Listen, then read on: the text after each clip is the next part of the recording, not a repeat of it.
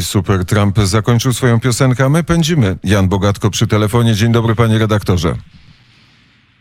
Dzień dobry panu, dzień dobry państwu. Może ze spraw takich polsko-niemieckich jeden temat szczególnie mi się nasuwa na uwagę, ponieważ jest związany po części ze mną. To jest e, historia wokół działalności Gontarczyków w Karlsbergu. Jak wiemy, Jolanta Gontarczyk, obecnie Lange, e, jest e, bliską współpracowniczką kandydata na prezydenta Rzeczpospolitej Polskiej, pana Trzaskowskiego z Warszawy. Jest prezeską Stowarzyszenia na Rzecz Rozwoju Społeczeństwa Obywatelskiego Prohumanum, które to stowarzyszenie jest finansowo wspierane bardzo mocno przez warszawski ratusz.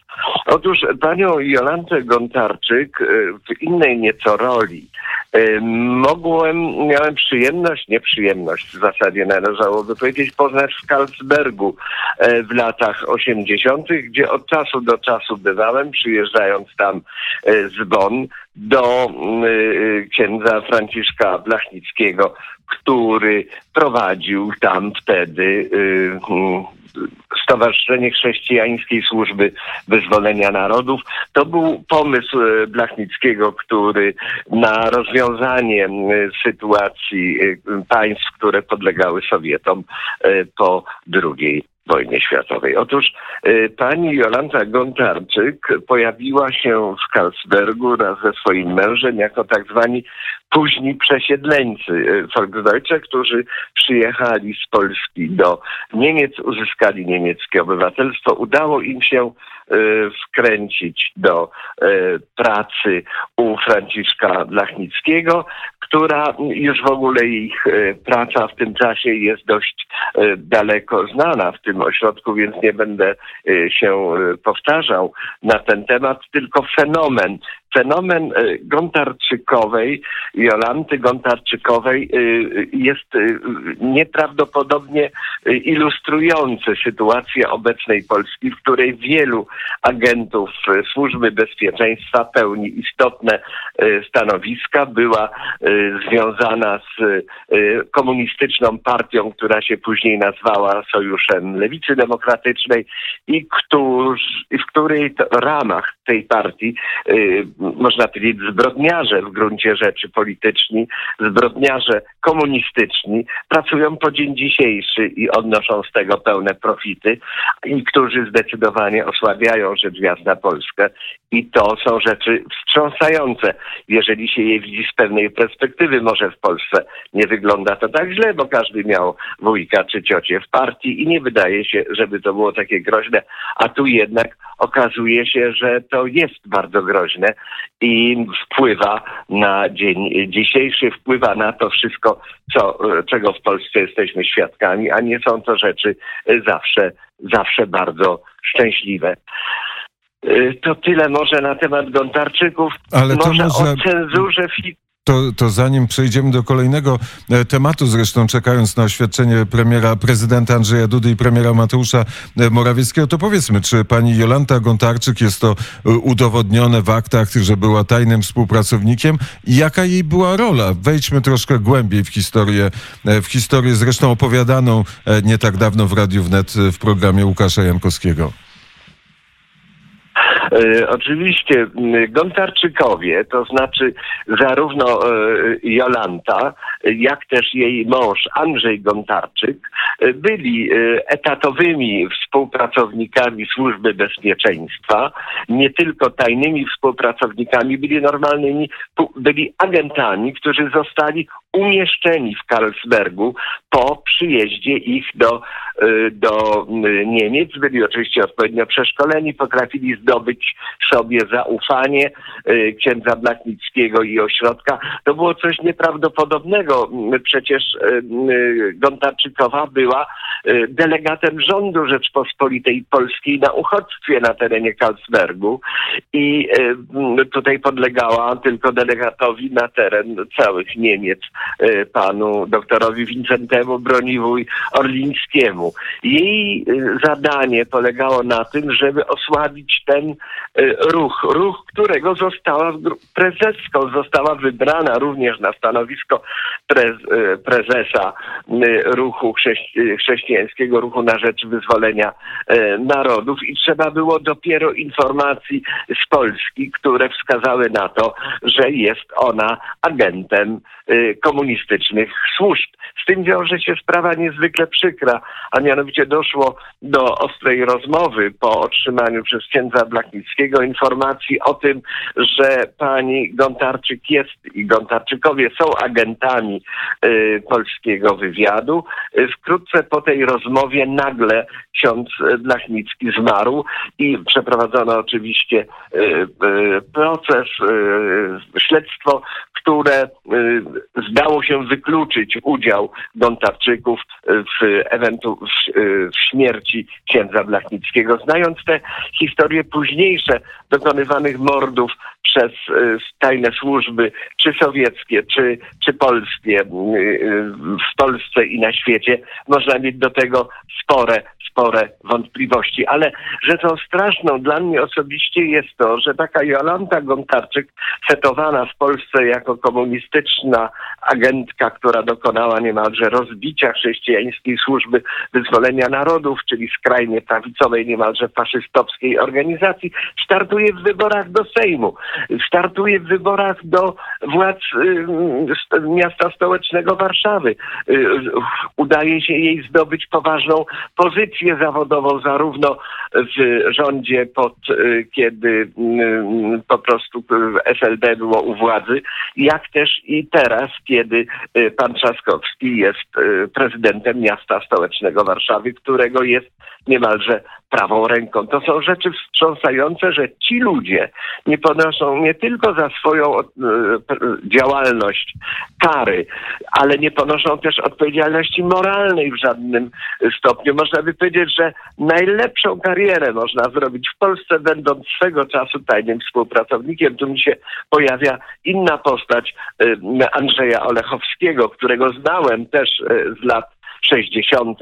w Warszawie i przypominam sobie, że kiedy wyleciałem z uniwersytetu i wróciłem z kryminału, później z powrotem do, e, do, na studia na Uniwersytet Warszawski, na krótko zresztą, bo później byłem wyrzucony drugi raz, to na mój widok przechodził na drugą stronę ulicy. Później się okazało, że również i on był współpracownikiem służb specjalnych. Ci ludzie porobili prawdziwe kariery, są dumni ze swojej działalności i to jest policzkiem w demokrację, którą chcą przerobić teraz znowu na demokrację socjalistyczną pod szyldem demokracji liberalnej. To jeszcze raz przypomnijmy pani Jolanta Gontarczyk, jak teraz się nazywa?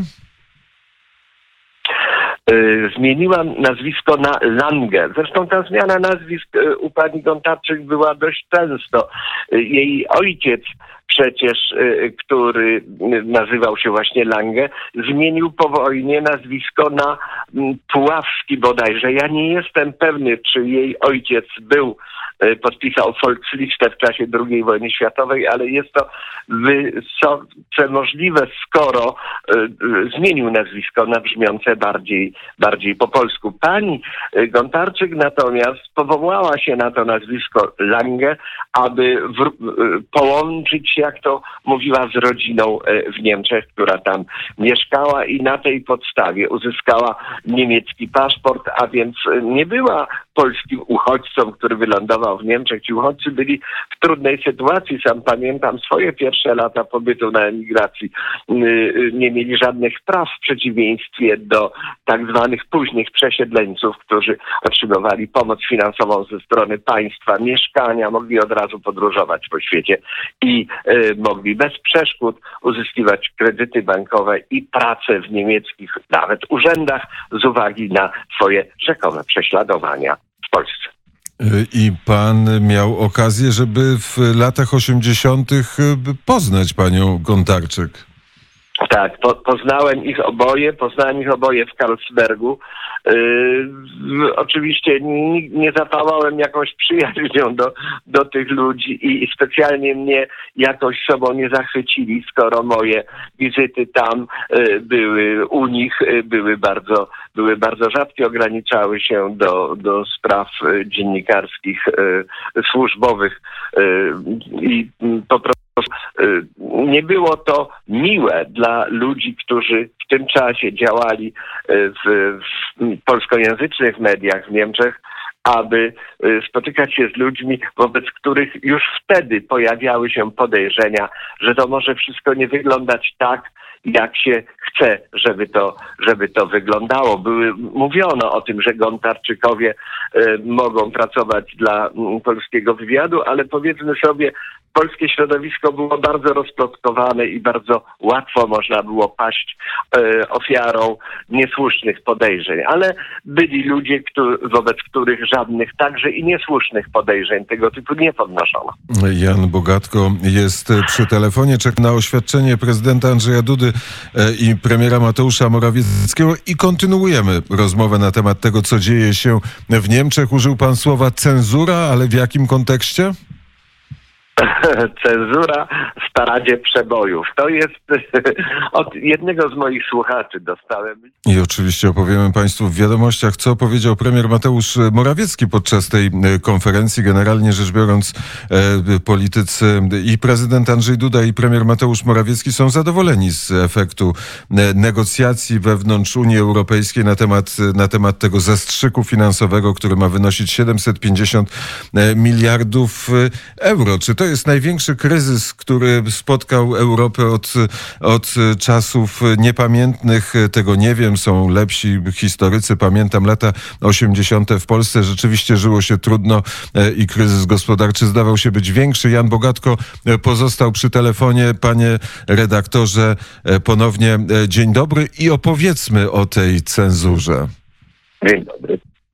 No o tej cenzurze. Po, polska cenzura w, w paradzie przebojów. To jest skandal e, w rozgłośni państwowej.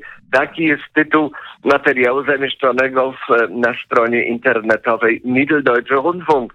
MDR. Ale kto jest jego autorem? To jest bardzo ciekawe. Otóż Niemcy stosują metodę doskonałą. A mianowicie, jeżeli chcą mówić coś bardzo e, nieprzyjemnego o jakimś innym kraju, zwłaszcza jeżeli chodzi o Polskę, a nie chcą na siebie brać odpowiedzialności, to mają tutaj swoich mm, y, ludzi, jak na przykład panią Monikę Sieracką. I pani Monika Sieracka napisała tutaj historię, która rozpoczyna się od słów proszę sobie wyobrazić. Roland Kaiser to jest y, niemiecki z kolei piosenkarz. Y, śpiewa tak, że wchodzi na pierwsze miejsce parady przebojów, ale nie podoba to się jakiemuś politykowi i już spada na pozycję czwartą. Tak właśnie mają, y, wyglądają w państwowej państwowym e, polskim radio e, tego typu e, programy. Więc i tu jest cała historia o tym z punktu widzenia pani Moniki Sierackiej, która jest tu kolportowana jako to straszna cenzura jest w Polsce jakie to dobre rzeczy dzieją się w polskim radio, ale z tego wynika coś niesamowitego. Do tej pory cały czas mówiono, że to jest straszne radio, straszna telewizja, teraz się okazuje, że ona nie była straszna, że była dobra, że teraz zaczyna być straszna. Tego pani Monika Sieracka raczej, raczej nie mówi. Pisze o, e, o cenzurze e, na, na łamach MDR, a jeżeli chodzi o cenzurę w Niemczech, to oczywiście jest to temat, którego nie dotyka, o ogóle temat, którego się nie dotyka.